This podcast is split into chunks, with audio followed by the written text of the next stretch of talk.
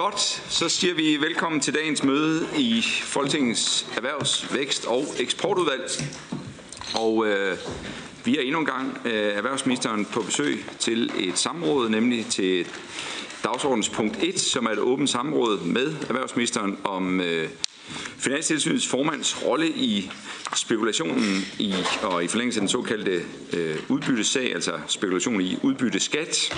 Øh, og øh, velkommen til ministeren endnu en gang. Velkommen til dem, der har besluttet sig for at vil se det på øh, tv her, og også til øh, dem, der har fundet ind i udvalgslokalet. Vi har inviteret både Skatteudvalget og Retsudvalget også til at deltage. Velkommen til dem også. Og øh, samrådet er som sagt åben, og det betyder jo, at øh, det transporteres på tv, og det også øh, optages. Og derfor så skal vi huske at bruge øh, mikrofonen, når vi ønsker at have ordet. Vi har, eller vi har aftalt med ministeren, at øh, samrådet afsluttes senest kl. 3 kl. 15. Der er stillet fem samrådsspørgsmål. Enhedslæsens Rune Lund har stillet spørgsmålene A, J og AK, og undertegnet her har stillet spørgsmålene AL, AM og AN. Så Rune Lund, du får ordet til at motivere dine samrådsspørgsmål, og så må jeg se, om jeg kan bidrage med noget efterfølgende. Men du starter. Værsgo, Rune. Tak for det. Og øh, jamen, øh, samrådets øh, spørgsmålene, de, øh, de drejer sig om, øh, ja, og vi kan få øh, ministerens redegørelse for, øh, om Finanstilsynets bestyrelsesformand, David Lando, hans involvering i en kapitalforening, om det har givet anledning til spørgsmål om den pågældendes habilitet ved arbejdet i Finanstilsynets bestyrelse.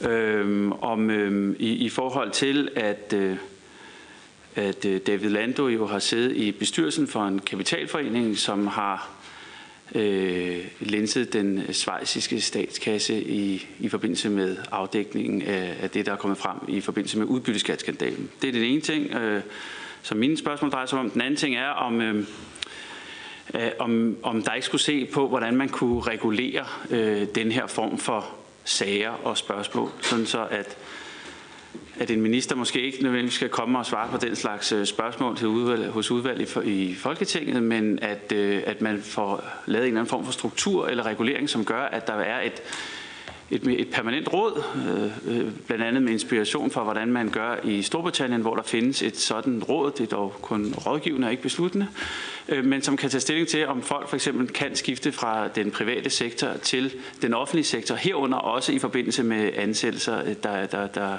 i forhold til tilsynsmyndighederne på, øh, i, i, i forhold til finanssektoren. Så det er det, som mine spørgsmål drejer sig om. Og så har jeg stillet tre spørgsmål også, og kort fortalt, så vedrører de jo øh, spørgsmålet om, om man kan sige, det her engagement og involveringen i engagementet fra øh, formandens side er noget, øh, ministeren mener påvirker øh, finans, troværdigheden af Finanstilsynets arbejde. Jeg har bedt øh, ministeren om at redegøre for øh, den pågældende kapitalforeningens øh, involvering i øh, spekulation i udbytteskat.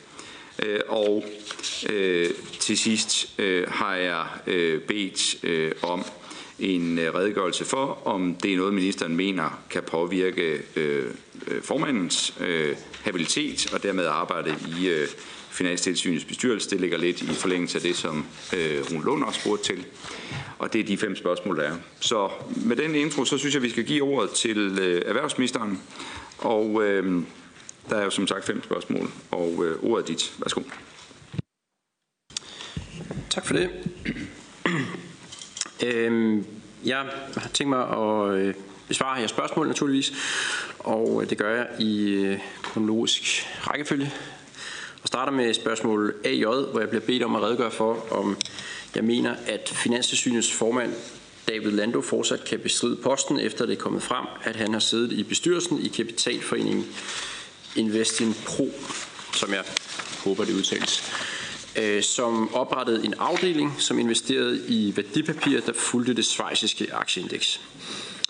I marts 2008 oprettede Investin Pro øh, således afdelingen Merrill Lynch Invest øh, Swiss Equity Institutional med Nordea Bank Danmark AS som investor og Merrill Lynch som porteføljeforvalter.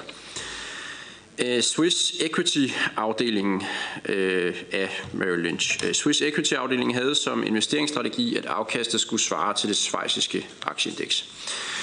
Det er siden kommet frem, at Nordea brugte ejerskabet i afdelingen til at spekulere i tilbageførsel af udbytteskat. I forlængelse af børsens omtale af Investinpros aktiviteter har jeg som bekendt for udvalget bedt David Lando om at redegøre for sagen og hans rolle i den. Jeg har modtaget øh, David Landus redegørelse, og jeg har sendt den til Erhvervsudvalget til orientering.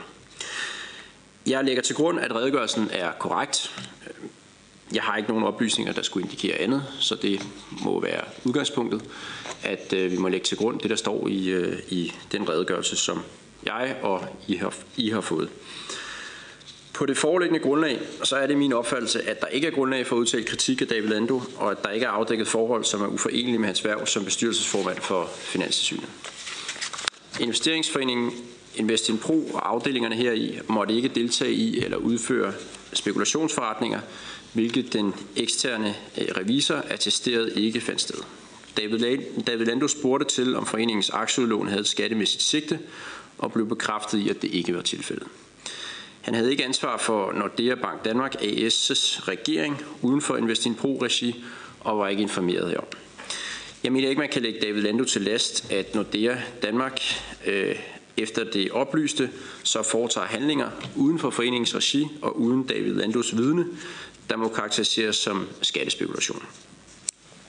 I spørgsmål AK bliver jeg bedt om at redegøre for regeringens holdning til at regulere den såkaldte svingdør mellem den finansielle sektor og den offentlige sektor, set i lyset af de anbefalinger, som fremgår af artiklen, der hedder Cooling Off Periods, Regulating the Revolving Door.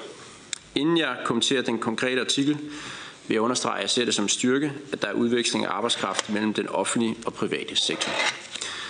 Den udveksling af arbejdskraft mellem det offentlige og det private er blandt andet med til at styrke det faglige grundlag i begge sektorer, fordi de erfaringer og det perspektiv på forskellige problemstillinger, som man kan opnå i den ene sektor, kan være til gavn og inspiration i forhold til løsning af problemstillinger i den anden sektor. Det er samtidig med til at skabe en gensidig forståelse på tværs af sektorer. Sådan en fordel ved udveksling af personer mellem den private og offentlige sektor anerkendes også i den nævnte artikel. Fokus i den nævnte artikel øh, synes særligt at være på skiftet fra det offentlige til det private, herunder når tidligere ministre får poster i den private sektor. Det betegnes i artiklen som post-public employment. Øh, fokus i artiklen er ikke i samme omfang på ansatte i den private sektor som for erhverv i det offentlige. Sidstnævnte er jo det, som øh, den her sag handler om i forhold til for eksempel øh, Finanstilsynets bestyrelse. I forhold til artiklen nævnes to foranstaltninger, som kan være med til at forebygge og afværge eventuelt interessekonflikter, der måtte opstå i skiftet fra det offentlige til det private eller omvendt. Det drejer sig om en cooling off period, øh, en såkaldt, det kan man kalde en karensperiode på dansk, og advice bodies. I forhold til karensperioder, så vil jeg bemærke, at i forhold til personer, der skifter fra den private sektor til f.eks. Finanssynet, gælder forvaltningslovens regler om inhabilitet. De regler er med til at sikre imod interessekonflikter, og dermed at en sag påvirkes af uvedkommende hensyn. Reglerne er samtidig et værn om upartiskheden hos de medarbejdere, som arbejder med en sag. I forhold til personer, der skifter fra Finanssynet til den private sektor, gælder reglerne om tavshedspligt for de ansatte i Finanssynet, der sikrer, at der ikke må videregives viden om konkrete sager til den nye arbejdsgiver. Så der er allerede nogle regler, der i et vist omfang tager højde for de spørgsmål, der kan opstå i forbindelse med skift fra den private til den offentlige sektor. Øh, men jeg kan omvendt heller ikke udelukke, at i nogle tilfælde kan man, kan man overveje en karensperiode. Jeg har bedt Erhvervsministeriet udarbejde et overblik over reglerne og erfaringerne i lande, vi normalt sammenligner os med. I forhold til de såkaldte advice bodies, der synes at være en enhed, der kan give råd om, hvorvidt tidligere ministre øh, kan tiltræde en given stilling, øh, så er vi umiddelbart mere forbeholdende. Øh, for det første gælder der som nævnt i forhold til finanssynet, at tidligere medarbejdere har tavshedspligt om konkrete finansielle virksomheders forhold. Øh, konstruktionen øh, forekommer også en smule byråkratisk, og øh, bortset fra Storbritannien, som har nedsat et vejledende råd, så synes der ikke at være lande, vi normalt sammenligner os med, som har sådanne advice bodies, efter min øh, viden i hvert fald. I spørgsmål AL bliver jeg spurgt til, om regeringen mener, at omtalen af Invest, af Investin Pro styrker troværdigheden i Finanssynets arbejde. Som nævnt under min besvarelse af spørgsmål AJ, så mener jeg ikke, at der på det foreliggende grundlag er grund til at udtale kritik af David Lando hans evne til at varetage opgaven som formand for Finanssynets bestyrelse betryggende. Jeg mener derfor ikke, at sagen svækker Finanssynets troværdighed med de oplysninger, som er til rådighed. I spørgsmål AM er jeg blevet bedt om at redegøre for Kapitalforeningens involvering i spekulation i udbytteskat og myndighedernes reaktion herpå. Jeg går ud fra, at der tænkes på Investin Pro, som Finanssynets bestyrelsesformand var bestyrelsesmedlem i. David Lando har som nævnt redegjort for, at Investin Pro ikke var involveret i spekulation i udbytteskat. Derudover kan jeg bemærke, at Finanssynet har oplyst over for mig, at foreningen fra sin oprettelse i 2005 og frem til juni 2014 ikke var underlagt de krav i lovgivningen om registrering hos Finanssynet, og dermed heller ikke var under Finanssynets tilsyn. Det skyldes, at den foreningstype, som Investin Pro var, ikke var reguleret i den daværende finansielle lovgivning. Da foreningen ikke var under tilsyn, har Finanssynet ikke registreret oplysninger om foreningen, heller ikke om dens eksistens, hvem der sad i bestyrelsen for foreningen, eller om dens investeringspolitik. Med FAIF-lovgivningen, eller loven fra 2014, blev forvaltningen af denne type foreninger reguleret, så Finanssynet fik mulighed for indsigt i de pågældende foreningers forhold gennem forvalteren.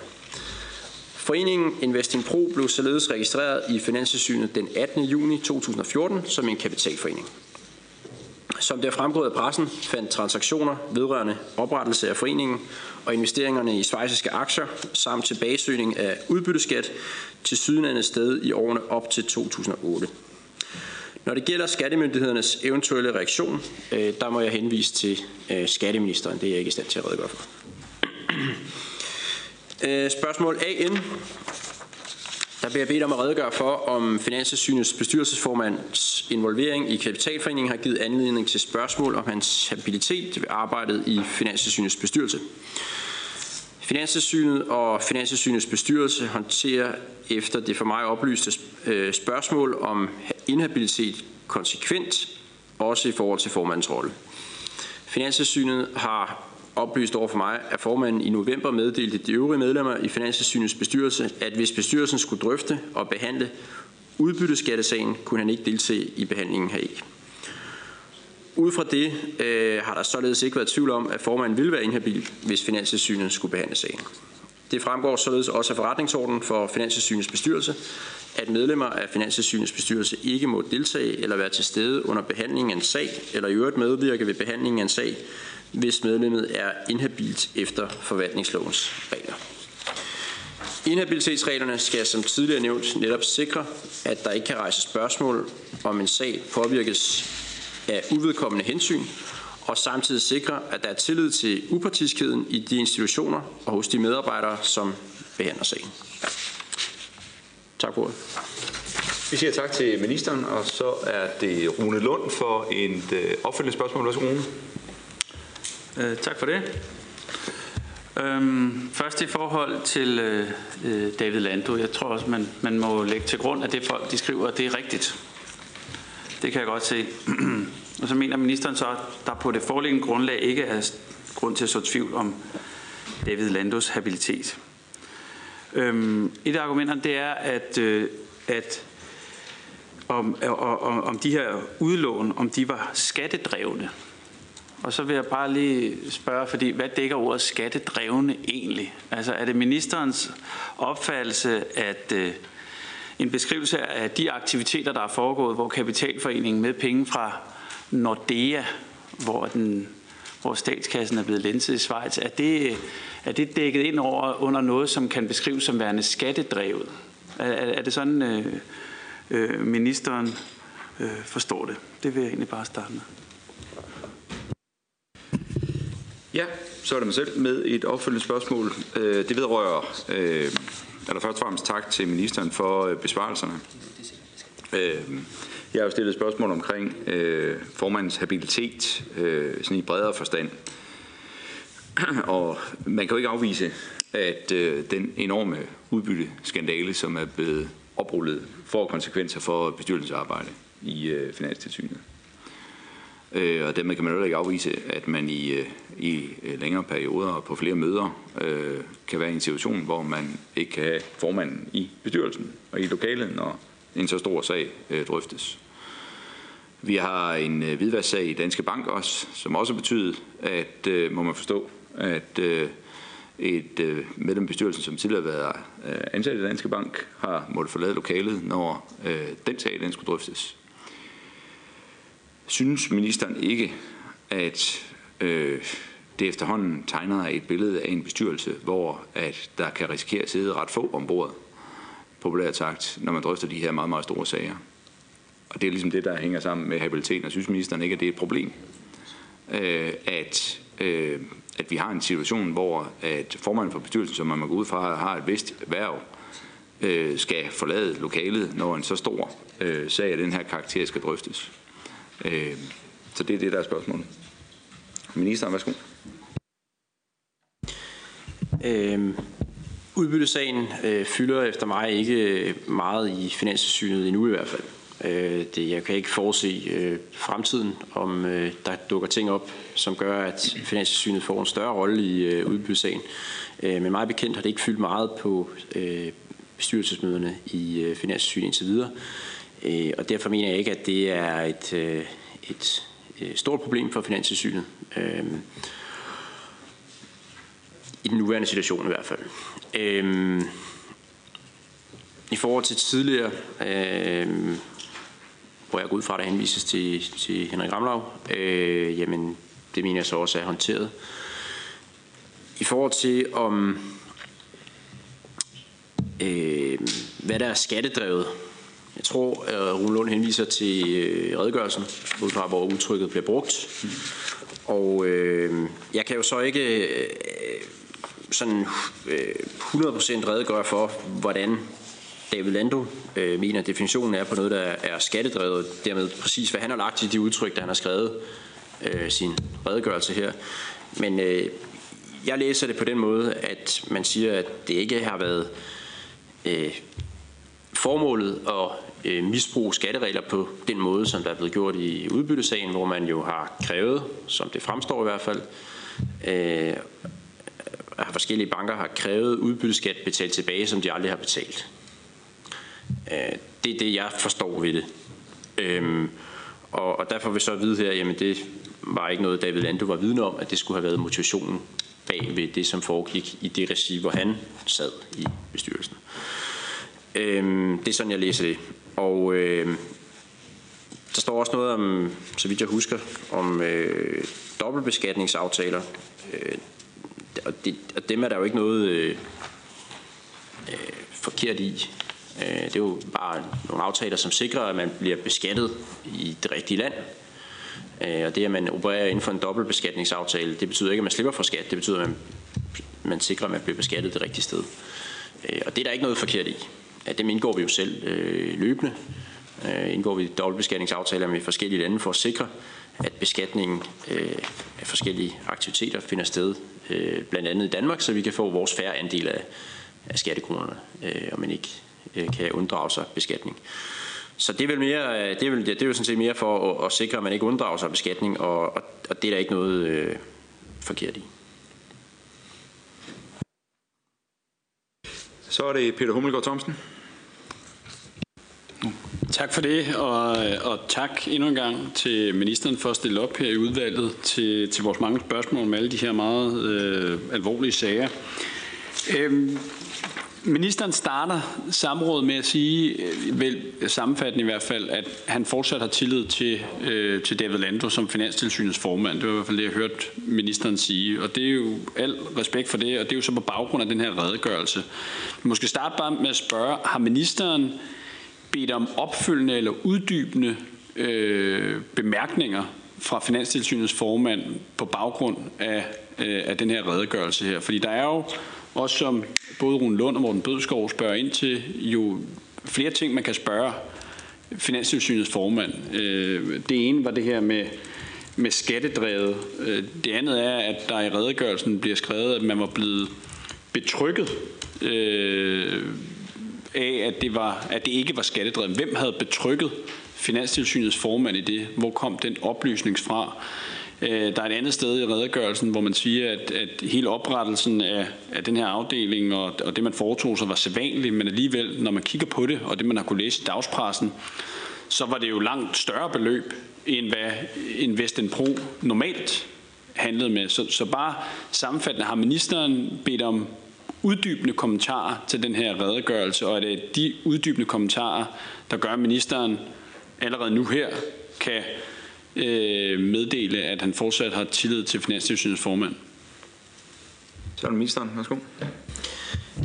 Øh, jeg har fulgt op på den måde, at øh, jeg har spurgt David Lando, om øh, det var muligt at se dokumentation for eksempelvis de øh, bestyrelsesreferater, som der henvises til, som er øh, det, som er belægget for hans, øh, for hans redegørelse.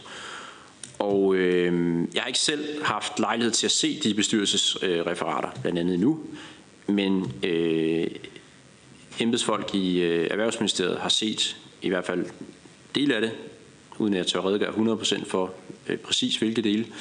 Øh, og er således blevet bekræftet i, at øh, redegørelsen ser ud til at være korrekt, og de ting, som der refereres til, er øh, dokumenteret. Øhm, det er den måde, jeg indtil videre har fulgt op på det øh, på. Øh, derudover så øh, synes jeg jo, at øh, redegørelsen øh, fremstår øh, sammenhængende øh, og øh, troværdig. Og øh, jeg synes ikke, man kan sige på den måde, at, øh, at jeg nu allerede konkluderer, at jeg har tillid til øh, bestyrelsesformanden. Jeg har hele tiden haft tillid til ham. Og øh, der skal ske noget, før jeg ikke har tillid til ham. Mit udgangspunkt øh, med de ansatte i Øh, Erhvervsministeriet og de myndigheder, som er tilknyttet Erhvervsministeriet, det er, at jeg har tillid til dem, hvis ikke der er noget, der giver mig grund til andet. Øh, og så skal der jo være et eller andet, som gør, at jeg skulle miste tilliden til dem. Og det er der så ikke her, når jeg har fået en, en redegørelse, som jeg ikke øh, kan se huller i, og som jeg synes øh, virker øh, troværdig. Jeg kan jo ikke vide med sikkerhed, altså det gælder sådan set for samtlige ansatte under mig i hele Erhvervsministeriet, at jeg kan jo ikke vide med sikkerhed, om der er nogen, der har begået noget, som er øh, forkert. Men udgangspunktet må være, at det skal der være nogle indikationer på, før jeg ikke har tillid til dem. Altså det må være, sådan må det jo være over for medarbejderne. Der må være et eller andet, der skal, der skal vise, at de har gjort noget forkert. Det er jo ikke sådan, at jeg kommer med et udgangspunkt om, at jeg ikke har tillid til dem, og så skal det bevises, at jeg skal have tillid til dem. Så derfor så har jeg tillid til, øh, til, til David Lendo, og jeg synes, den øh, redegørelse, han har afleveret, øh, for mig øh, fremstår øh, troværdigt, og jeg har ikke nogen oplysninger, som skulle indikere, at det skulle være forkert, hvad han har skrevet. Og dermed må jeg lægge til grund, at det er rigtigt, hvad han har skrevet, og hvis det er rigtigt, hvad han har skrevet, så synes jeg ikke, der er baggrund for at øh, udtale kritik af ham. Tak for det. Så er det Rasmus Nordqvist. Værsgo, Rasmus. Øh, jo, tak. Og det er, det er lidt i forlængelse af samrådsspørgsmål AK, som, som Rune Lund har stillet omkring det her, som jo er mere principielt omkring, og hvordan man kan regulere sådan lidt svingdøren mellem privat og offentlig sektor, specielt sådan noget, hvor man sidder og kontrollerer sin, sin gamle plads. Og, og, og vi kan diskutere det meget på det konkrete, men man kunne også lige tage, tage helikopteren lidt op, og det synes jeg ikke blev gjort så tydeligt i ministerens svar.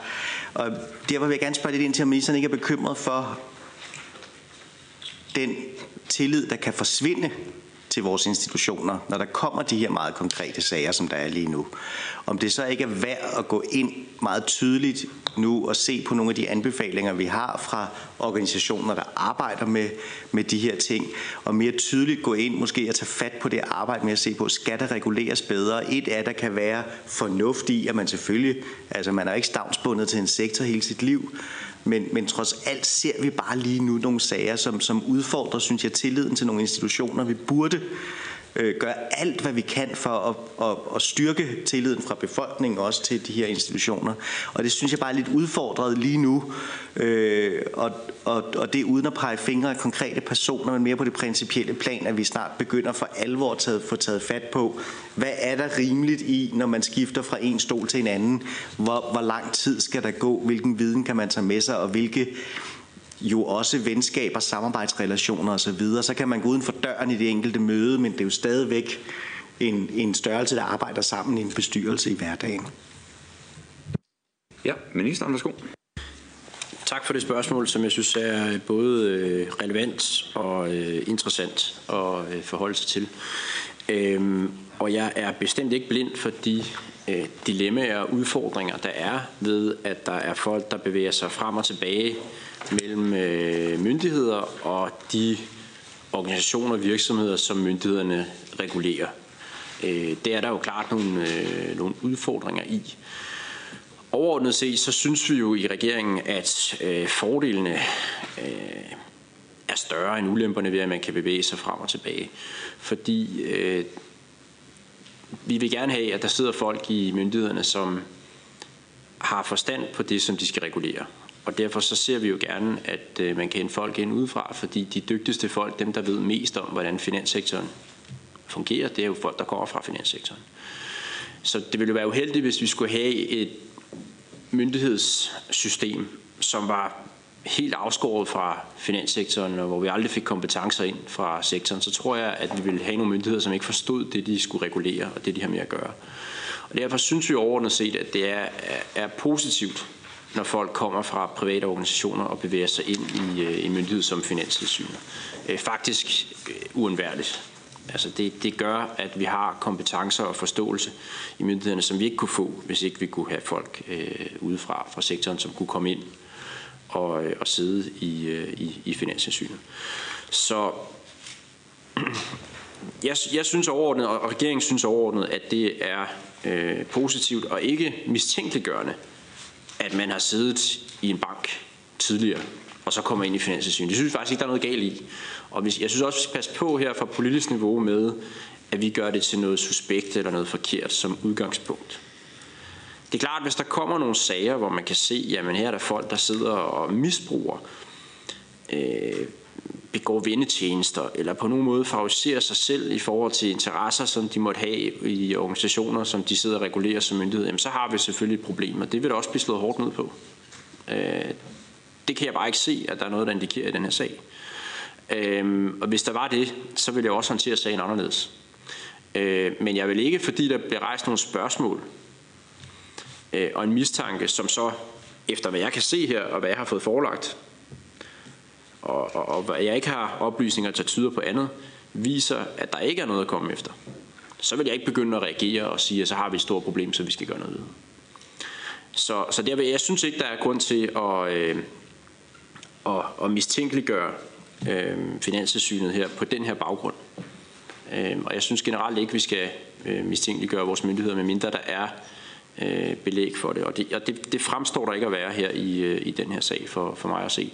Men derfor har jeg som sagt alligevel bedt om at få udarbejdet et overblik over regler og erfaringer i forhold til øh, den her problematik med at bevæge sig frem og tilbage. Fordi jeg er ikke, altså jeg er ikke øh, allergisk over for den diskussion. Øh, og jeg synes, det er en udmærket diskussion at have, hvordan man, man, øh, man regulerer det. Jeg synes bare helst ikke, det skal foregå på sådan et, et, et, bag, et baggrund af, at vi pisker en stemning op, som, som der ikke er, øh, er belæg for at piske op. Tak for det, minister. Så er det Rune Lund fra Enhedslisten. Værsgo, Rune. Det sidste er jeg faktisk helt enig i. Altså, jeg synes i virkeligheden, at problemet er den manglende regulering. Altså det er ikke et problem, at folk skifter fra, fra den private sektor til den offentlige sektor og omvendt. Altså der, der kan være rigtig god idé i, at man i Finanstilsynet har nogle folk, som har haft altså fingrene nede i bolledejen og ved, hvad det handler om, og, så, øh, og, og man så kan bruge de erfaringer som tilsynsmyndighed. Det giver virkelig god mening. Det, som jeg synes er problemet, og det som Transparency International i deres rapport jo også øh, gør opmærksom på, det er, at, at, at, øh, at hvis man har en situation, hvor det er totalt ureguleret, så har vi nogle, kan, vi, kan der opstå nogle habilitetsproblemer, noget, nogle kasketforvirringsproblemer og i virkeligheden også nogle demokratiske problemer. Og kan vi med en fornuftig regulering gøre noget ved det? Og så rapporten den oplister så blandt andet øh, nogle eksempler på, hvordan man håndterer den her problematik i andre lande, blandt andet Storbritannien. Øh, og det synes jeg er den, øh, den, den rigtige vej frem, i stedet for at øh, vi også som folkevalgte bliver ringet op af journalister. Mener du nu, at David Lando eller Henrik Ramlau, eller hvem det nu måtte være i morgen, øh, har, er den rigtige til at sidde i, i den og den offentlige myndighed under den udøvende magt, selvom vi som folkevalgte selv sidder i den lovgivende magt? Altså det er simpelthen et spørgsmål om at få noget mere struktur og regulering ind, ind over den svingdør, som der er. Og øhm, øh, i den forbindelse, så skal man da ikke kun kigge på, hvordan det foregår den ene vej, og det er rigtigt, at fokus i, i rapporten, det er mest fra altså post-public employment, altså det er mest fra, når du er ansat i det offentlige, så er det private.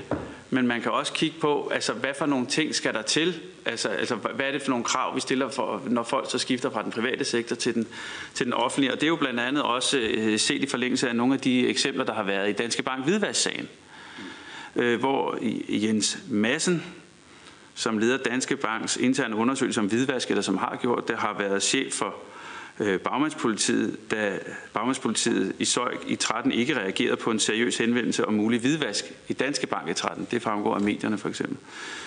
Øh, Michael Ejlerskov, som er tidligere chef for Søjks afdeling vedrørende eftersøgning af, af værdier fra sager om økonomisk kriminalitet, skiftede i maj 18 til Danske Bank, til en afdeling, der skal sikre, at banken lever op til god skik, øh, altså compliance. I øvrigt en afdeling ledet af Jens Madsen, som jeg lige nævnte før. Og så har vi selvfølgelig også Henrik Ramlau Larsen, så øh, Finanstilsynets øh, tidligere direktør, som før sin tiltræden i Finanstilsynet var økonomidirektør i netop Danske Bank, og var til stede på et møde i 13, hvor Danske Bank blev advaret om omfattende hvidvask i den estiske afdeling. Altså, så det, hvordan, hvad for nogle, øh, altså man, de krav, man kan stille, det er jo, hvilken rolle skal den pågældende opfylde?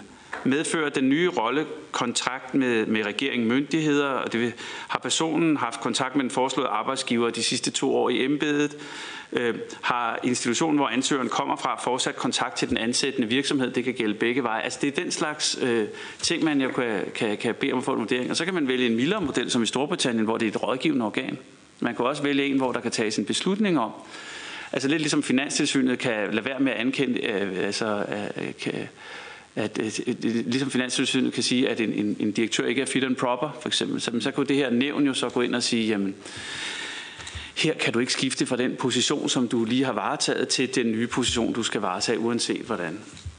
I forhold til det offentlige, så vil der nok skulle skrives nogle ting ind i kontrakter og sådan nogle ting, hvis det, så det kommer nok til at gælde fremadrettet. Men, men altså det, for, for, en lang række ansatte, øh, som er ansat på nogle bestemte kontraktvilkår i dag, men, men det er den måde at tænke på, det er. Og det er i virkeligheden det, som, som jeg synes er vigtigt at sige her, i dag. det handler ikke om, at mistænkeliggøre jobskift. Det handler om at, øh, at regulere det. I forhold til øh, den konkrete sag, som jo er noget helt andet end den principielle problemstilling, som virkelig er noget helt andet, kan man sige, men jeg synes, det var en mulighed lige at nævne det her alligevel der er det jo, at, altså, og jeg er jo bare lægemand i det her, kan man jo sige, og bare folkevalgt, men altså, når jeg læser redegørelsen, så er det bare, det, så det, må, det må så noget input til ministerens øh, videre, hvad skal man sige, spørgearbejde måske, det er, altså, altså, så det er bare det der, at ligesom Peter Hummelgaard sagde, at, at David Lande var blevet betrykket i, at det var i overensstemmelse med dobbeltbeskatningsaftalen, men der er ikke sådan en yderligere forklaring, hvor den her betrykkelse eller betrykning kom fra. Og det der ord skattedrevne, jamen det kan godt være, at det ikke var skattedrevet. Var det refusionsdrevet? Eller du ved, altså hvad, er det, hvad dækker det der ord skattedrevne? øh, som øh, oven i købet er i citationstegn i, øh, i, i redegørelsen. Og så, øh, så hvis man skal forstå det, så, så, øhm, så står der på side 1, hverken jeg eller den øvrige bestyrelse for Investin Pro var informeret om Nordeas ageren, fordi øh, sagen er, at Nordea i eget regi og således uden for Investing Pro ved brug af derivater til synlædende havde, over, til synlædende havde overført det økonomiske ejerskab af investeringen foretaget Swiss Equity-afdelingen. Altså, og det vidste hverken jeg eller den øvrige bestyrelse noget om Nordeas ageren, ageren så Altså, det hele det er Nordeas skyld, eller hvad? Og, altså, det, det, det som som ligesom står tilbage, det er, altså, hvis, hvis man ser på, hvordan det foregår i pressen, der er en kapitalforening, som har fået 17 milliarder af Nordea, og det har den kapitalforening brugt til at lænse den svejsiske statskasse for. Den dynamik, altså det fremgår jo ikke klart om, om David Lando egentlig har været vidne om, at det var det, der foregik. Altså, og, øh, og der, det har været behandlet på 1, 2, 3, 4, 5, 6 forskellige bestyrelsesmøder, så man tænker, altså, hvordan kan man ja, hvordan kan man sidde på seks bestyrelsesmøder og diskutere det uden at opdage, hvad der foregår? Og i givet fald har det tager bestyrelsesformanden så ikke et problem. Men jeg synes bare, jeg synes bare det er, ud fra min læsning af det her, og jeg er jo ikke ekspert, jeg er jo lægmand, ligesom alle andre folkevalgte, så synes jeg bare, jeg synes bare, jeg får et særligt klart svar på det spørgsmål, der er stillet. Ja, så vil jeg stoppe her i den her omgang. Det gør du, øh, Rune, og så er det ministeren. Værsgo, minister. Jamen, jeg er jo sådan set også lægemand. Altså, jeg er jo heller ikke øh, ekspert i øh, investeringsforeninger, eller har nogen særlig viden om, hvad der skulle være foregået i øh, uh, Invest in Pro eller i, i Nordea, så jeg kan jo kun ligesom Rune Lund lægge redegørelsen til, til grund, og så kan jeg selvfølgelig følge op, og det har vi så også gjort i et, et vist omfang. Jeg læser det dog lidt anderledes, end, end Rune Lund gør, i og med, at jeg læser meget klart, at den her skattelænsning, der er foregået af, uh, med dobbeltbeskatning ikke er foregået i det regi af Investinpro, men er foregået i et andet regi, hvor David Lando ikke har siddet med. Det er det, der er det centrale, og det er derfor, jeg føler, at, at der ikke er baggrund for at kritisere ham. Hvis det havde foregået i Investinpro, hvor man har siddet på bestyrelsesmøderne og vedtaget, at nu skulle man gøre det, så havde vi en helt anden sag. Men det er jo det, han siger, at det ikke er gjort. Og det er derfor, jeg synes, at, at, at så kan man jo ikke holde ham ansvarlig for noget, der er foregået i et andet forum, hvor han ikke har siddet med. Øhm, sådan læser jeg det øh, meget klart. Øhm, og så tror jeg, jeg vil sige, i forhold til regler om bevægelser frem og tilbage mellem offentlig og privat øh, sektor. Jeg, som sagt øh, har jeg bedt om at få en, et overblik over, hvad gør man i, øh, i andre lande. Og øh, som jeg også sagde før, så er jeg ikke øh, lukket over for den øh, diskussion, at øh, vi kan forholde os til, hvordan øh, det, øh, hvordan vi skal forholde os til, til de dilemmaer, der er i det. Og det vil jeg lade indgå i de forhandlinger, som vi skal have om, øh, om styrkelse af tilsynet her øh, efter nytår. Så øh, når vi har den oversigt, øh, så kan vi tage den diskussion, og så kan det være et af de emner, som vi, øh, vi forholder os til i de forhandlinger. Øh, fordi som sagt, øh, jeg synes ikke, det er, øh, det er ikke irrelevant, det, som Rune Lund og øh, de andre udvalgsmedlemmer nævner her om, at der er nogle, bestemt nogle dilemmaer i, at folk bevæger sig frem og tilbage øh, mellem øh, private organisationer og virksomheder og de myndigheder, som, som regulerer dem. Øh, jeg tror det, altså i forhold til, at man kan nævne nogle navne, som nu arbejder i Danske Bank, eller eventuelt arbejder i Danske Bank, og så kommer ind i finanssynet bagefter. Sådan vil det jo nok være i et lille land som Danmark, hvor man har en bank, der fylder så meget. Øh, og sådan vil det sikkert også være, hvis man tog, øh, nu siger jeg bare noget, som jeg ikke ved, men nu, nu for at drage en, en parallel, så vil jeg tro, at for eksempel i Lægemiddelstyrelsen vil der sikkert også være relativt mange, som på et eller andet tidspunkt har arbejdet i Novo Nordisk, fordi de fylder så meget i dansk medicinalindustri. Øh, og der tror jeg også, at her, når nu Danske Bank fylder så meget i den danske finanssektor, og er så stor, jamen så, så er det jo et sted, hvor det der findes folk med kompetencer, som også kan bruges i Finanstilsynet. Og omvendt, at Danske Bank også kan bruge nogle af de kompetencer, som er udviklet i Finanstilsynet omkring compliance og hvordan man for eksempel bekæmper hvidvask. Øh, det kan være, at man lærer noget om det ved at arbejde i Finanstilsynet, og så kan Danske Bank bruge det bagefter. Og, øh, og det er der altså, som udgangspunkt ikke noget galt i. Øhm, det er kun galt, hvis det bliver misbrugt. Og, øh, og derfor så synes jeg ikke, at det i sig selv, at man kan nævne nogle navne, som er flyttet fra Danske Bank til Finanstilsynet eller fra Finanstilsynet til Danske Bank, at det i sig selv er øh, et suspekt forhold, som der er noget galt i. Øhm, men, men jeg er helt med på, at der er dilemmaer i det, som, øh, som vi øh, bør forholde os til. Jeg håber bare ikke, at vi som politikere sådan lidt mod bedrevidende øh, vil øh, tegne et billede af, at tingene er mere øh, suspekte, end de er fordi det synes jeg ikke, man kan være øh, bekendt over for, øh, for de mennesker. Uden at have et ordentligt belæg for det i hvert fald. Så er det Peter Hummelgaard Thomsen. Værsgo, Peter. Tak for det. Øh, jeg, jeg for det første fuldstændig enig med ministeren i, at, at det sådan set er både godt og sundt, at folk kan flytte mellem den offentlige sektor og den private sektor. Jeg er sådan set også enig i, at når det lige handler om finanstilsynet, og det kan være en styrke, at der sidder folk, der selv har haft altså, fingrene nede i, hvad det handler om. Øh, og det er sådan set ikke det, vi diskuterer her, at vi ikke ønsker det, fordi det vil jo kun være en fordel for finanstilsynet, at det er sådan. Det vi diskuterer her, det er jo, at de mennesker, der så rent faktisk også er som vi har hentet fra bankverdenen, er nogen, vi har tillid til, og som vi synes med troværdighed kan løfte den tilsynsopgave. Og der ikke er nogen som helst tvivl om, at man af den ene eller anden årsag kunne ende med at se igennem fingre med ting, eller at den virkelighed, man kommer fra, kan påvirke ens dømmekraft der, hvor man sidder nu, osv. Jeg synes også, at det sådan set er for ministerens vedkommende et fornuftigt princip, at han som udgangspunkt har tillid til alt lige fra Finanstilsynets formand til sin ministersekretær til alle mulige andre. Det vil jeg starte med at sige. Når vi andre måske er, eller når jeg selv er, jeg skal ikke tale på vegne af andre, mere skeptiske, så er det jo selvfølgelig på grund af øh, de seneste måneders mange, mange sager, hvor det er, man næsten har det indtryk, og det er ikke en anklage over alle, der arbejder i sektoren, men man næsten har det indtryk, at det efterhånden er svært at finde nogen, der har fuldstændig rene hænder. Og det er også derfor, vi gerne vil have belyst den her sag så meget og så grundigt som overhovedet muligt. Og jeg har sådan set også tillid til ministeren, når han siger, at han har set referater fra bestyrelsesmøderne.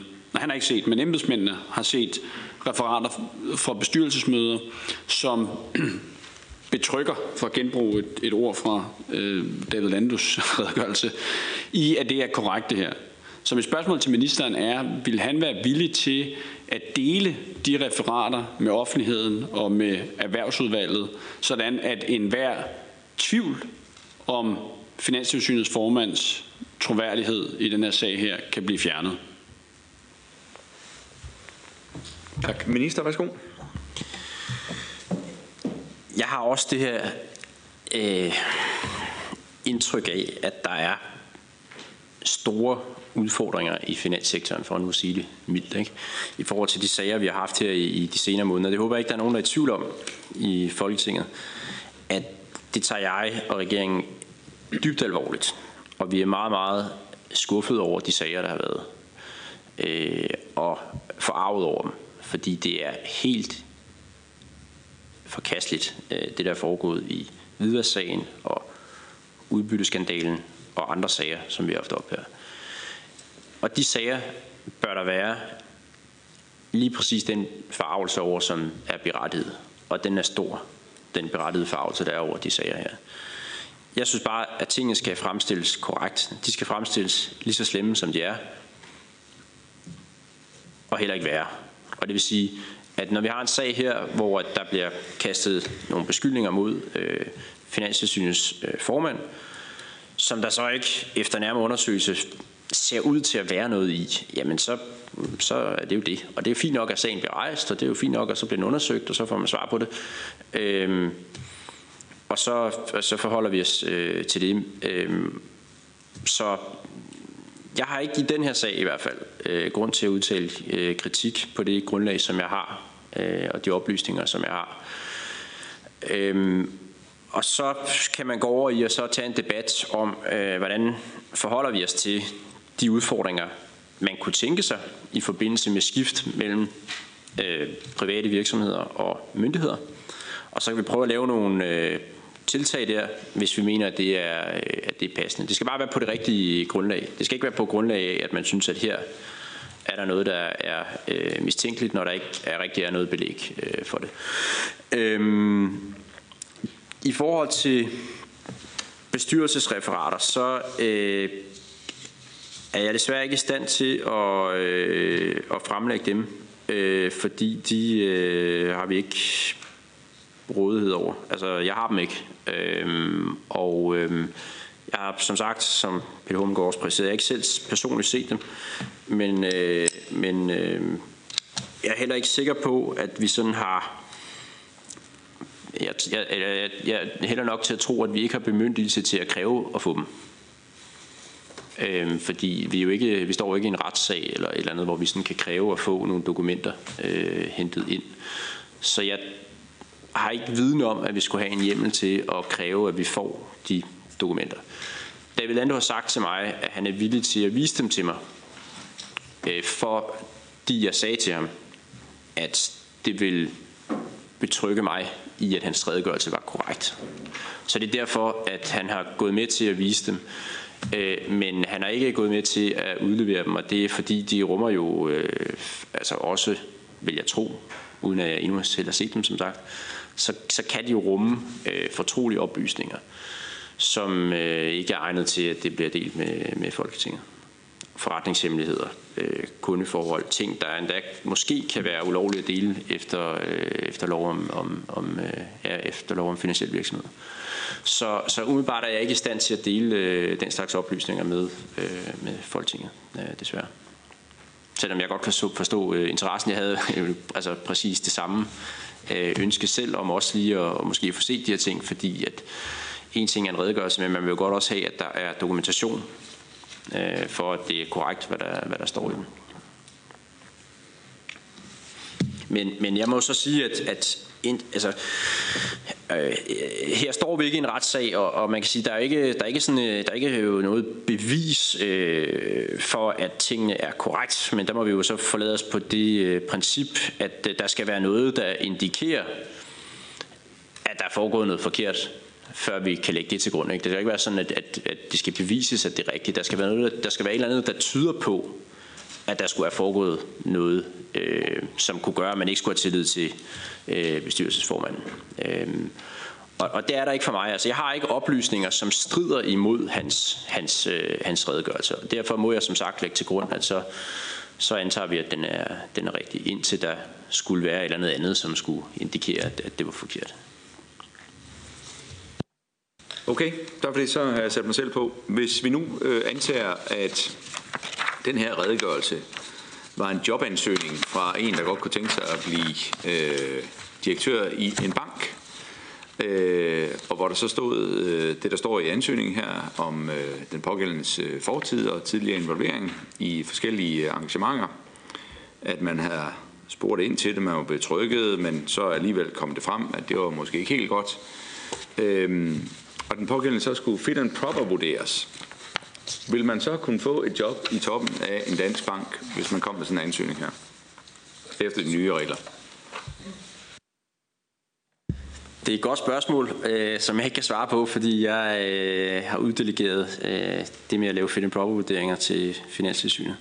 Øh, så det må man spørge øh, Finanstilsynet om, om man vil, vil kunne, kunne få. Jeg kan også se, at der er lidt et dilemma i med, at det så er formanden selv, som skal øh, vil skulle finde en proper vurderes af sig selv. Øh, men, øh, men det kan jeg ikke svare på. Øh, jeg, er ikke, jeg ved ikke nok om, hvordan Finanstilsynet laver fit proper vurdering til at kunne komme med en sikker vurdering øh, af det. Jeg kunne godt sidde og sige et eller andet, men nu er det jo, altså det er jo alvorligt det her, jeg skal udtale mig under ansvar, så jeg vil ikke øh, komme med en juridisk vurdering på et samråd. Så er det Rasmus Nordqvist fra Alternativet. Værsgo, Rasmus. Nej, det kan jeg øh, lige for at følge op, det kan jeg godt forstå, at ministeren ikke kan sidde her så og, og gøre, men det er måske et interessant spørgsmål, som formanden rejser, øh, netop fordi det er den myndighed, der sidder og laver det her, så synes jeg faktisk, det er et ret relevant spørgsmål, for man kommer med. Nå, men øh, det jeg egentlig vil spørge om, det er, at øh, igen, jeg synes egentlig ikke, der er nogen, der sidder og snakker om, der er foregået noget suspekt. Jeg synes faktisk, det bliver, bliver spurgt ind til tingene sådan meget principielt også, og, og det er igen det, jeg gerne vil, vil, vil gå videre ned af, for jeg synes, det er, er godt, at ministeren har bedt om at få et overblik, og jeg kunne godt tænke mig at høre, hvor bredt har man bedt, øh, ser man på det i ministeriet, er det specifikt i forhold til finanstilsynet og lignende, eller ser man lidt bredere på det? Fordi det er jo noget, vi har diskuteret nogle gange rundt omkring det seneste par år i Folketinget.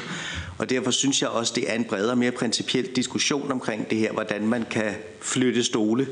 Øhm, og derfor, hvor, hvor bredt går man ind og ser på det, og, øh, og, øh, og i det overblik, har ministeren også bedt om at få et overblik over de anbefalinger, der kommer fra Transparency International og, og lignende organisationer. Så er det ministeren, værsgo. Ja, altså, øh, jeg beder om at få en oversigt over, ligesom, hvad, om der findes i lande, som vi sammenligner os med, øh, og hvor mange lande det så endelig kommer til at omfatte. Øh, det kommer også lidt an på, hvor, hvor samarbejdsvillige øh, de andre lande er til at udlevere tingene, kan man sige. Ikke? Øh, men vi forsøger at lave en, en oversigt over, øh, hvilke tiltag, der måtte være i øh, sammenlignelige lande i forhold til bevægelser mellem øh, pengeinstitutter og øh, tilsynsmyndigheder på det finansielle område, fordi det er det, som vi diskuterer i øjeblikket, og øh, som som øh, er mit, øh, er mit ressort og interesse i, i øjeblikket. Tak for det. Så er det Peter Hummelgaard Thomsen fra Socialdemokratiet. Værsgo, Peter. Ja, tak. Først og fremmest vil jeg også bare lige øh, tilkendegive, jeg synes, det er et rigtig relevant og interessant spørgsmål, som formanden for udvalget han rejser, og hvis vi på en eller anden måde kan få vurderet det, øh, så, så kunne det være spændende i hvert fald. Det andet var bare lige opfølgning på mit andet spørgsmål før, øh, at, at jeg, jeg deler ministerens øh, holdning om, at det her det er jo ikke en retssag osv., men ministeren, som man jo også selv giver udtryk for, så er der jo god grund til, at tilliden til øh, altså mange af de ting, der er foregået i den finansielle sektor, som er kommet frem inden for de sidste par måneder, er altså øh, helt under gulvbrædderne. Øh, og, øh, og, og med god grund også, at både vi og offentligheden er meget nysgerrige omkring de her ting her. Ministeren siger, at han ikke har mulighed for at ligesom udlevere, fordi han, han har dem ikke, eller ministeriet har ikke referaterne her. Men kan ministeren, vil ministeren måske øh, tilkendegive her over for udvalget, at han vil spørge ind til nogle af de spørgsmål, som både jeg og Rune Lund har spurgt om i dag. Et, hvem er det, der betrykkede Finanstilsynets formand i, at der ikke var nogen problemer i de her øh, forretninger her? Øh, hvad ligger der i ordet skattedrevne? Øh, og, øh, og to, hvordan kan man mene, at den her type forretning var sædvanlig, når man samtidig kan se, at den var altså langt oversteg, hvad man ellers havde, havde øh, deltaget i. Tak. Så er det ministeren, værsgo. Øh, det sidste spørgsmål forstod jeg simpelthen ikke. Øh, at det var langt over, hvad man ellers havde deltaget i. Øh, jeg ved ikke helt, hvad der menes med det.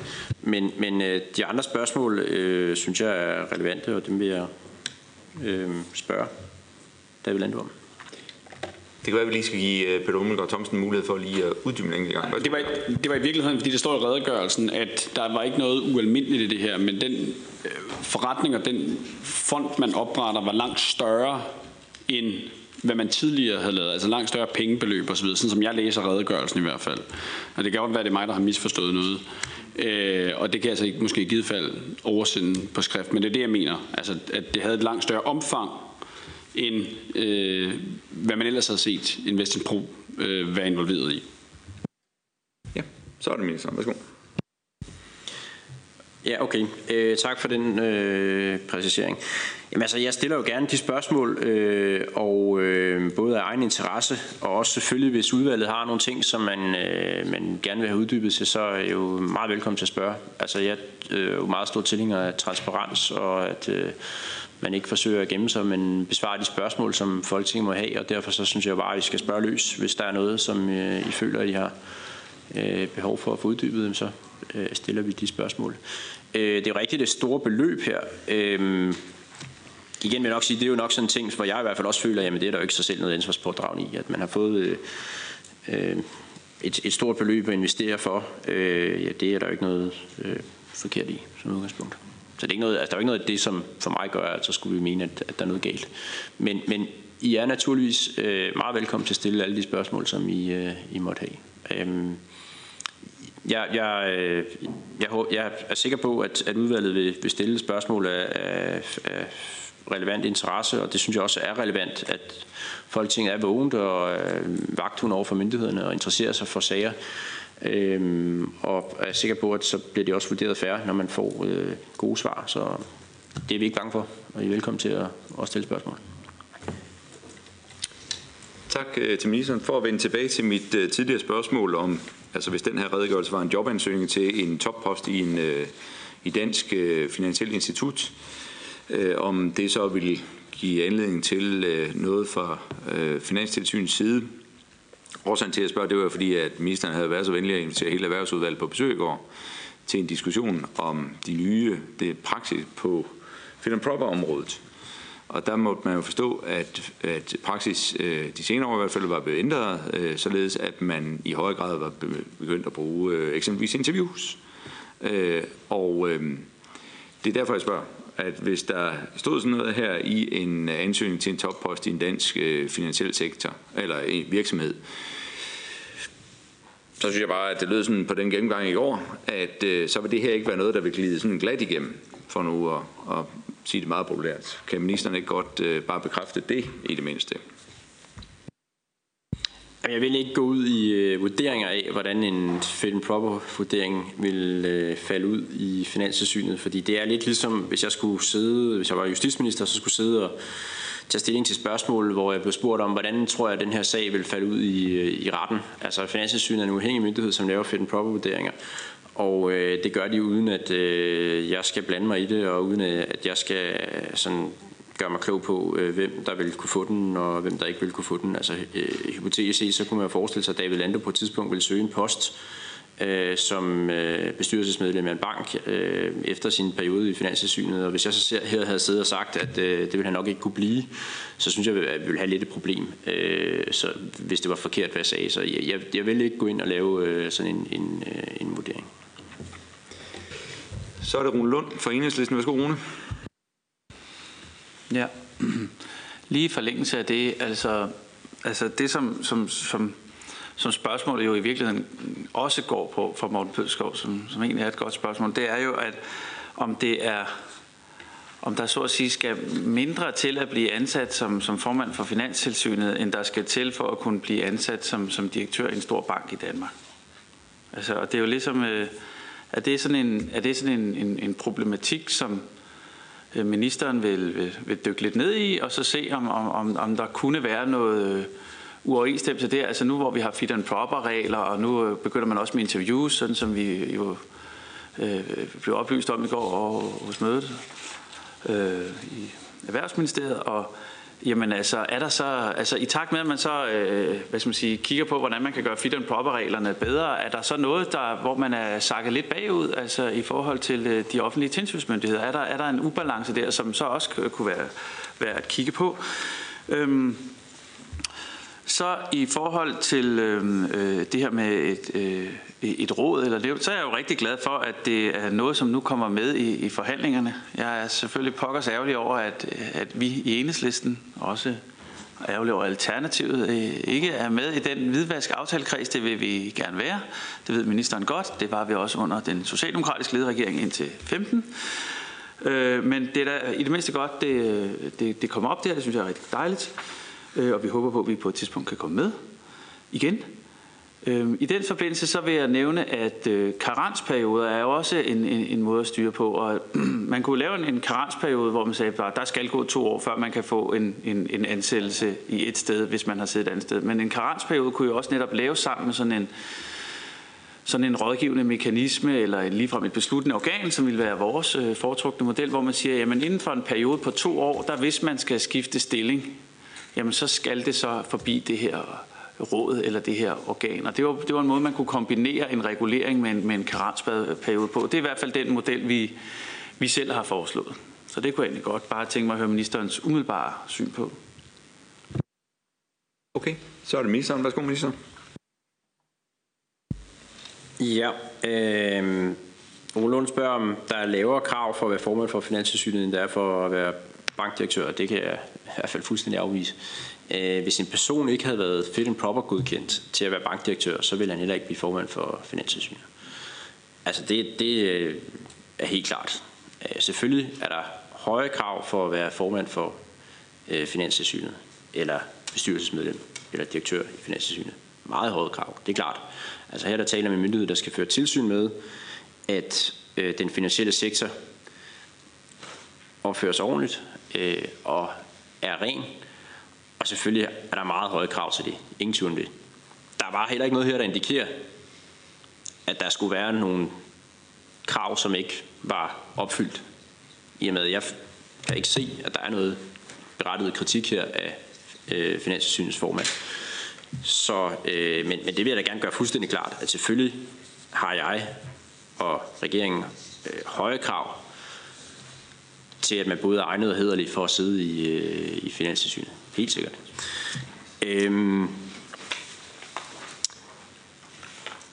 I forhold til konkrete modeller for, hvordan man kunne forholde sig til øh, karensperioder og hvordan man i det hele taget øh, forholder sig til skift mellem finanssektoren og, øh, og myndighederne, Jamen, så vil jeg ikke øh, sådan lægge mig fast på, øh, hvilke tiltag man kunne forestille sig. Jeg siger bare, at vi har øh, øh, som udgangspunkt, at det skal være muligt at flytte frem og tilbage mellem den private sektor og myndighederne. Det ser vi som en styrke, ikke som en ulempe. Så det er vores, øh, det er vores startpunkt. Og øh, så har jeg også sagt, at jamen, øh, vi er ikke allergiske over for at have den diskussion, om der er nogle relevante tiltag, som vi kan lære af fra udlandet, eller fra andre, der kommer med idéer. Det kan også godt være nye ting, som ikke der er nogen andre, der har gjort. Men i første omgang vil vi kigge på, hvad man har gjort andre steder. Øh, hvad er best practice. Men jeg vil ikke lægge mig fast på øh, konkrete øh, initiativer. Tak til ministeren. Så er det Peter Hummelgaard Thomsen. Værsgo. Ja, det var bare lige her på faldrebet et, øh, et andet spørgsmål, jeg kom til at tænke på. Kan ministeren sige noget om, i hvilket omfang, hvis overhovedet, øh, at de danske myndigheder øh, blev underrettet eller kontaktet af de svejsiske myndigheder om den her sag her, og måske også samtidig sige noget om, i hvilket omfang at danske myndigheder så fulgt op på det? Okay, så er det ministeren. Værsgo. Yes. Det har jeg ikke på stående fod øh, nogen viden om, øh, hvorvidt der skulle have været nogle kontakter øh, mellem øh, svejsiske og danske myndigheder i den her sag. Jeg vil selvfølgelig gerne gå tilbage og undersøge det, hvis, hvis udvalget ønsker det, men det er ikke noget, jeg på stående fod kan svare på. Okay. Rune Lund, har du tegnet dig? Okay. Yes, det får du muligheden for nu, for der er ikke flere spørgsmål til ministeren i den omgang. Værsgo, Rune Lund. Jamen, øh, tak for samrådet. Vi, øh, vi kan jo høre, at ministeren ikke mener, at der er oplysninger, der indikerer, at der er et problem, men med, ministeren vil alligevel stille nogle opfølgende spørgsmål øh, efter, efter samrådet her i dag. Det synes jeg er godt, øhm, øh, så vi kan få ryddet alt øh, eventuelt tvivl af vejen. Øh, og så er jeg rigtig glad for, at, øh, at, øh, at ideen om at regulere svingdøren øh, øh mellem den private og den og, og offentlige sektor er, er på bordet i forhandlingerne i forhold til, øh, en, en, der, der kommer her efter nytår, synes jeg er godt. Øh, vi vil gerne være med omkring bordet til at forhandle det.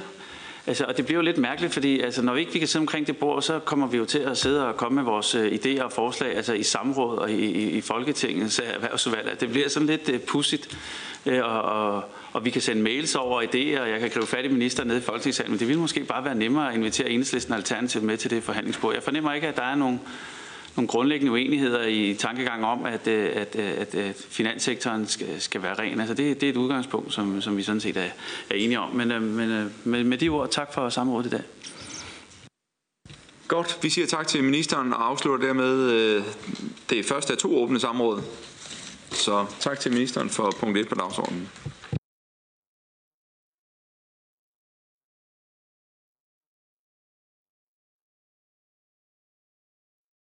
Finder alvorlige mangler i de nationale tilsyn, skal dette meddeles i en rapport til Europaparlamentet, Rådet og Kommissionen.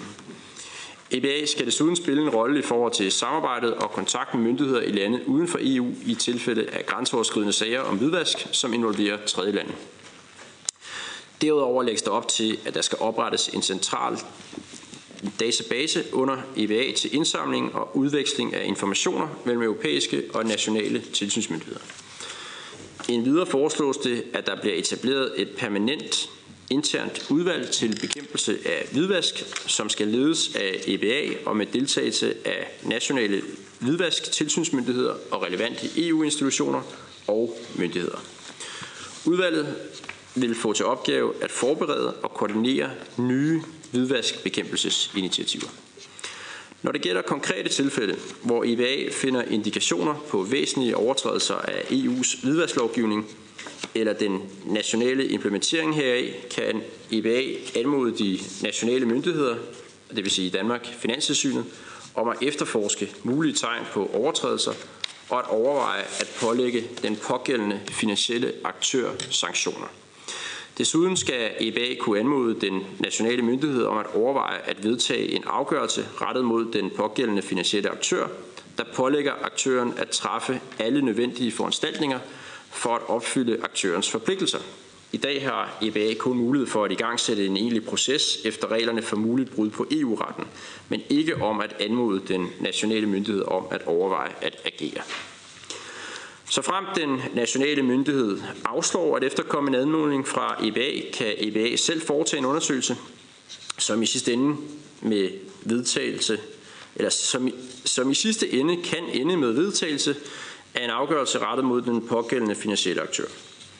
Før en endelig afgørelse mod den finansielle aktør træffes, skal kommissionen have udtalt sig, og afgørelsen må ikke være i strid med kommissionens udtalelse. Ligesom afgørelsen skal det, være, skal være nødvendigt for at opretholde lige konkurrencevilkår på det indre marked, eller til sikring af det finansielle systems funktion og integritet. Endelig bliver lagt op til enkelte mindre konsekvensrettelser af hvidvaskdirektivet, der som bekendt er strammet af flere omgange øh, de seneste år. Vi er jo i gang med at implementere femte udgave i øjeblikket.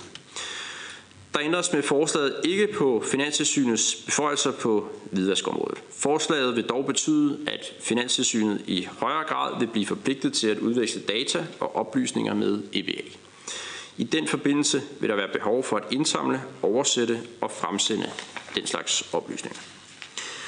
I samrådsspørgsmålet spørges der også til, hvilke ressourcer danske myndigheder, det vil sige Finanstilsynet, skal bruge for at kunne opfylde kravene som nævnt vedrører forslaget fra kommissionen primært en styrkelse af EBA's hvidvaskkompetencer. Derfor er det også primært EBA, der vil få nye eller mere omfattende arbejdsopgaver. Finanstilsynet vil i højere grad skulle udveksle data og oplysninger med EBA med videre.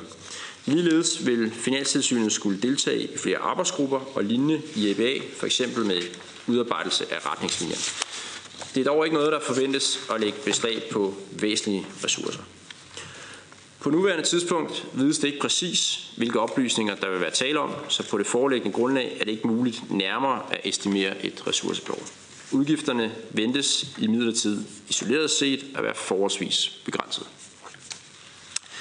Endelig spørges der i samrådsspørgsmålet til, hvilke lovgivningsmæssige ændringer, der vil følge af forslaget.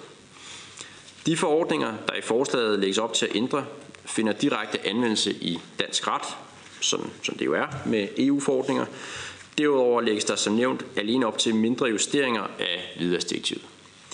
En vedtagelse af forslaget forventes derfor at have relativt begrænsede lovgivningsmæssige konsekvenser.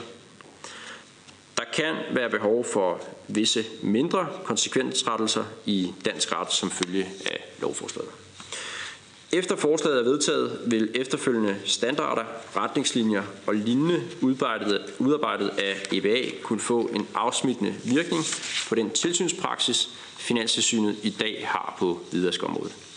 Det svarer til andre dele af den finansielle regulering, hvor de europæiske tilsynsmyndigheder også bidrager til fortolkningen af reglerne. Regeringen lægger stor vægt på en styrket bekæmpelse af hvidvask, og derfor bakker vi grundlæggende op om forslaget. Vi er således gået aktivt og positivt ind i drøftelserne om nye europæiske initiativer til bekæmpelse af hvidvask med henblik på at styrke integriteten og stabiliteten i det finansielle system. Regeringen er åben over for at give europæiske myndigheder, herunder også EBA, øgede kompetencer til bekæmpelse af hvidvask, hvor det er velbegrundet og skaber værdi. Vi håber samtidig på, at der hurtigt kan opnås enighed i rådet og efterfølgende med Europaparlamentet. De tekniske forhandlinger om forslaget er i gang nu, øh, såvel i rådet som i Europaparlamentet, og derfor kan forslaget naturligvis blive justeret i løbet af øh, forhandlingerne. Tak. Tak til ministeren. Og øh, bare som øh, ganske kort opfølgende, øh, det er jo rigtigt nok, at det er et forslag, som øh, er på vej igennem øh, EU-systemet, og jo så selvfølgelig også havner her øh, på et tidspunkt. Øh, Øh, men, øh, men bare lige for at få en, øh, sådan en lidt mere præcis beskrivelse af, øh, hvad det er for tilkendegivelser, ministeren har givet, da kommissionen præsenterede øh, forslaget, må man gå ud fra på rådsmødet, hvor ministeren var til stede. Jeg forstod, det var Ekofin-mødet, øh, det blev præsenteret på. Øh, og, og årsagen til at spørge, det er jo selvfølgelig fordi, at øh, den periode, vi er igennem nu, øh, viser jo, at øh, at øh, det danske finanstilsyn og de strukturer, vi har for tilsyn med øh, de banker, vi har i landet, øh, pænt sagt har været en smule udfordret af, at vi har nogle meget, meget store banker med vidt forgrenede aktiviteter, også uden for landets grænser i resten af EU. Så jeg vil bare høre, hvad det er for tilkendegivelse, ministeren har givet sine kollegaer omkring bordet for det danske engagement i det her forslag. Altså, udgangspunktet er sådan set, at jeg synes som regeringen, at det er ganske fornuftigt, at man styrker det europæiske samarbejde. Det har Socialdemokratiet også øh, selv efterspurgt. Øh, så det er bare for at høre om, øh, hvilken vilje og entusiasme regeringen går ind i det her, og hvad det er, man har sagt, det danske finanstilsyn eksempelvis kunne tænke sig at bidrage med. Værsgo. Jamen, jeg, jeg sagde øh, rundt om det store bord dernede, at øh, vi øh, går positivt ind i øh, samarbejdet. Også at vi er øh, redde til at dele de erfaringer, som Danmark får på grund af den videre sag, vi har kørende i øjeblikket, øh, med resten af øh, EU. Og så forsikrede jeg øvrigt øh, mine kollegaer dernede, eller det var faktisk finansminister primært, der sad under bordet, tror jeg. Øh, men ministre, som har ansvar for den finansielle sektor i mange lande, at øh, vi tager det her dybt alvorligt, og øh, at vi øh, jo synes, at hvidvask er øh, en meget, meget alvorlig sag, som øh, har vagt stor farvelse i, øh, i Danmark. Øh, regeringen vil jo nok, øh, vil jeg tro, øh, komme tilbage i det lokale og bede om et mandat øh, videre i forhold til, øh, til forhandlingerne. Øh, jeg tror næsten, at formanden her er, er øh, endnu mere velforvandret i, øh, i procedurerne i forhold til den slags, end jeg er. Øh, men det vil jo nok være naturligt, at vi kommer og beder om, om et nærmere mandat. Men øh, jeg er glad for, at øh, Socialdemokraterne også bakker op, øh, og det har jeg faktisk heller ikke hørt andet end, at der er bred opbakning i Folketinget til, at vi arbejder videre i den her retning. Det giver rigtig god mening. Øh, det jeg synes er, er, er vigtigt at bemærke også og vide i, øh, i Folketinget, det er, at det gør det ikke mindre relevant, at vi arbejder også videre med at styrke vores eget finanssyn. Fordi som jeg også lige har redegjort for, jamen, så vil øh, så vil Finanssynet fortsat have den nationale opgave med tilsyn med de danske banker. Og derfor alt det, vi foretager os nu i forhold til at styrke Finanssynet, det vil fortsat være relevant, uanset øh, det her forslag fra kommissionen, fordi det handler mere om samarbejde mellem øh, de forskellige finanssyner med øh, EBA. Der er ikke tale om, at man udskifter, eller at EU overtager øh, opgaven med at føre tilsyn med, med danske banker. Så derfor så skal vi øh, arbejde videre på fuld skrue i forhold til at styrke det danske finanssyn. Og, øh, og det bliver ikke mindre relevant på grund af, at det forslag her, der er om, om øh, også et styrket øh, videre samarbejde på europæisk niveau. Tak for det. Så er det Peter Hummelgaard Thomsen fra Socialdemokratiet. Værsgo, Peter. Ja, tak til redegørelsen fra, øh, fra ministeren. Øh, det er ikke nogen hemmelighed, også som formanden sagde, i hvert fald fra Socialdemokratiets side, øh, kan vi jo altså bakke op om rigtig mange, hvis ikke alle af de her initiativer her, i det hele taget også meget gerne ser, at den danske regering øh, hele vejen igennem forløbet presser øh, grundigt på. Jeg har et, et spørgsmål, der stikker lidt i en anden retning, fordi at øh, i de, de debatter, vi har haft omkring øh, hvidvask og tilsyn og øget beføjelser til at øh, både øh, at bekæmpe, forhindre og sådan set også øh, afdække hvidvask, øh, der har øh, et af de centrale budskaber i den debat lyttet fra især statsministeren, at svaret på det var, at vi skulle tilslutte os bankunionen. Og det synes jeg godt, man kan mene, men det vil bare gerne lige høre ministeren med ansvar for, for ressortområdet. Altså har EBA nogen som helst forbindelse til bankunionen? Ja, værsgo, minister. Øhm, regeringen har jo ikke besluttet nu, om vi ønsker at tilslutte os bankunionen. Øh, vi har jo en arbejdsgruppe, som er ved meget grundigt at analysere fordele, ulemper, udfordringer i forhold til bankunionen. Og den forventer vi jo kommer med sin redegørelse øh, et stykke ind i 2019, således at debatten kan gå i gang i øh, andet halvår efterår øh, 2019, og vi der kan tage stilling til, om, om vi ønsker at gå med i, i bankunionen. Forslaget her har ikke noget med, med bankunionen at gøre. Øh, det gælder en styrkelse af EBA, som omfatter alle medlemsstater i EU, og øh, også øh, Danmark. Og derfor så deltager vores finanssyn altså også fuldt ud i EBA, selvom vi ikke er med i en bankunion, og sidder med i det besluttende organ i EBA på linje, på linje med de andre medlemsstater. Godt, så lige sætte mig selv på igen. Det er jo rigtigt, øh, som ministeren siger, at øh, regeringen har jo ikke øh, fået mandat endnu Så øh, det er helt fair, at øh, vi fik en referat for, hvad der var blevet orienteret om, og det øh, er vi faktisk meget glade for, at vi kan få. Øh, så er vores opgave så at forsøge at give nogle indspark til det mandat, som jeg går ud fra, at regeringen kommer tilbage og beder, beder om øh, på et senere tidspunkt. Øh, Bare lige i den sammenhæng, også i relation til det møde, vi var til i går, hvor øh, ministeren øh, og øh, orienteret erhvervsudvalget om, om, om fit and proper-reglerne osv. En af de der pointer, øh, der var der i, var jo, at modsat øh, bagmandspolitiet, altså SØJK, så er det begrænset, hvad øh, øh, aktivitet øh, Finanstilsynet har uden for landets grænser. Øh, og, øh, og derfor... Øh, så er virkeligheden vel den, at når man ser på, hvad øh, den her styrkelse går, øh, foreslås, i hvert fald der skal gå ud på, så er det jo det, at, øh, at de får jo, altså EBA, mulighed for at anmode øh, eksempelvis jo altså Finanstilsynet om at, at i gang sætte øh, efterforskning, øh, ikke at øh, også overveje sanktioner, øh, at man får indspark til, hvis der skulle træffes en afgørelse, så kunne man også hente det derfra. Så der, jeg synes, at der tegner sig et billede af noget, som jeg synes faktisk er grundlæggende ganske positivt. Faste rammer omkring europæisk tilsyn, styrket øh, samarbejde, øh, mere udveksling af oplysninger, når øh, EPA eller øh, Finanstilsynet føler, at der er noget, der brænder på sted. Og bare for at sige det, så forventer vi jo selvfølgelig, at det mandat, som regeringen kommer og beder om, at der tager man stilling til, hvilke konsekvenser det vil have øh, for ressourcer, øh, forbrug, øh, prioritering i øh, Finanstilsynet øh, øh, og prøver at, at sætte det ind i et øh, i, øh, i en, kan man sige, et, et lys, hvor man også ligesom tager hensyn til, hvad de ellers er igennem. Øh, således at det så at sige ikke bare bliver puttet ind som noget, man kan klare øh, som en del af øh, den løbende øh, organisering af arbejdet. Det er bare et synspunkt, som jeg håber, regeringen vil tage med, når man kommer og beder om at få mandatet i udvalget. Ja, det er modtaget, og øh, det vil vi så gøre. Øh, det er meget fint, at vi har en dialog allerede nu, øh, inden vi kommer med øh, en forspørgsel om at få et mandat, og vi så allerede nu ved, øh, hvad Socialdemokraterne vil øh, lægge vægt på, så det skal vi nok øh, forsøge at indarbejde. Det går rigtig godt, og så er det Thomas Jensen fra Socialdemokratiet også. Værsgo.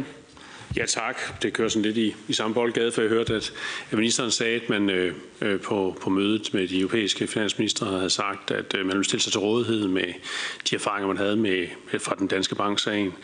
Og som Peter Hummelgaard, vores EU-ordfører, også sagde, at han ville godt have, at ministeren måske pressede lidt mere på. Og det er også i den boldgade, jeg sådan gerne vil spørge lidt ind til det, fordi øh, altså jeg vil jo gerne have, at vi øh, er offensive og sikre, at, øh, at når at øh, de andre lande de sidder og måske er heldige og ikke har så mange erfaringer, som vi har i Danmark efterhånden, at vi så er meget offensive, sådan at øh, når det samlede øh, forslag, der tager stilling til, at vi skal give mandat til, at så vi kunne se tydelige danske aftryk på det. Så derfor vil jeg spørge ministeren, er der nogle af de ting i forhold til det, der foreligger på nuværende tidspunkt, at ministeren sådan kan vurdere, at der er nok nogle steder, hvor at, at ministeren kan komme med positive indspil til, at vi får en øh, styrket hvidvaskkontrol øh, rundt omkring i hver enkelt europæisk land. Så, ja, så er det ministeren. Værsgo. Jamen, jeg er helt enig, øh, at Danmark skal spille en, en aktiv rolle, og derfor så deltager vi også i arbejdet nu øh, i forhold til øh, det her forslags øh, vej gennem systemet, øh, med henblik på at følge det sæt og sikre, at der kommer opbakning til det, og at det bliver øh, et godt og stærkt forslag. Øh, jeg har ikke øh, sådan Øh, sådan øh, på stående fod øh, en masse konkrete ting, hvor jeg siger, her er der noget, som man skal lære af Danmark øh, rundt omkring endnu. Øh, men jeg håber da meget, at når vi er færdige med de forhandlinger, som går i gang på et eller andet tidspunkt efter nytår, øh, øh, så håber jeg da meget, at øh, vi, øh, når vi er færdige med den proces, øh, har fået nogle gode øh, idéer, som kan bruges også øh, andre steder. Øh, så vi vil også nævne, at jeg også holdt møde med retskommissæren, øh, da jeg var nede i EU, hvor vi også øh, drøftede sagen her. Og jeg vil også sagt at være i dialog med, med kommissionen i forbindelse med netop vores styrkelse af tilsynet, hvor jeg mener, at, at øh, vi måske godt kan lære noget af andre, og at det vil være fornuftigt også at have udenlandske øjne på den måde, vi gør tingene i, øh, i Danmark. Okay, ikke flere spørgsmål. Vi siger tak til ministeren og øh, ser frem til, at øh, ministeren kommer tilbage, og Ja. vi får en grundig diskussion af, hvad det er for et mandat, regeringen skal have øh, til at tilslutte sig det her, forstår jeg, man allerede har øh, planlagt. Så tak for, fordi du kom forbi igen igen. Tak.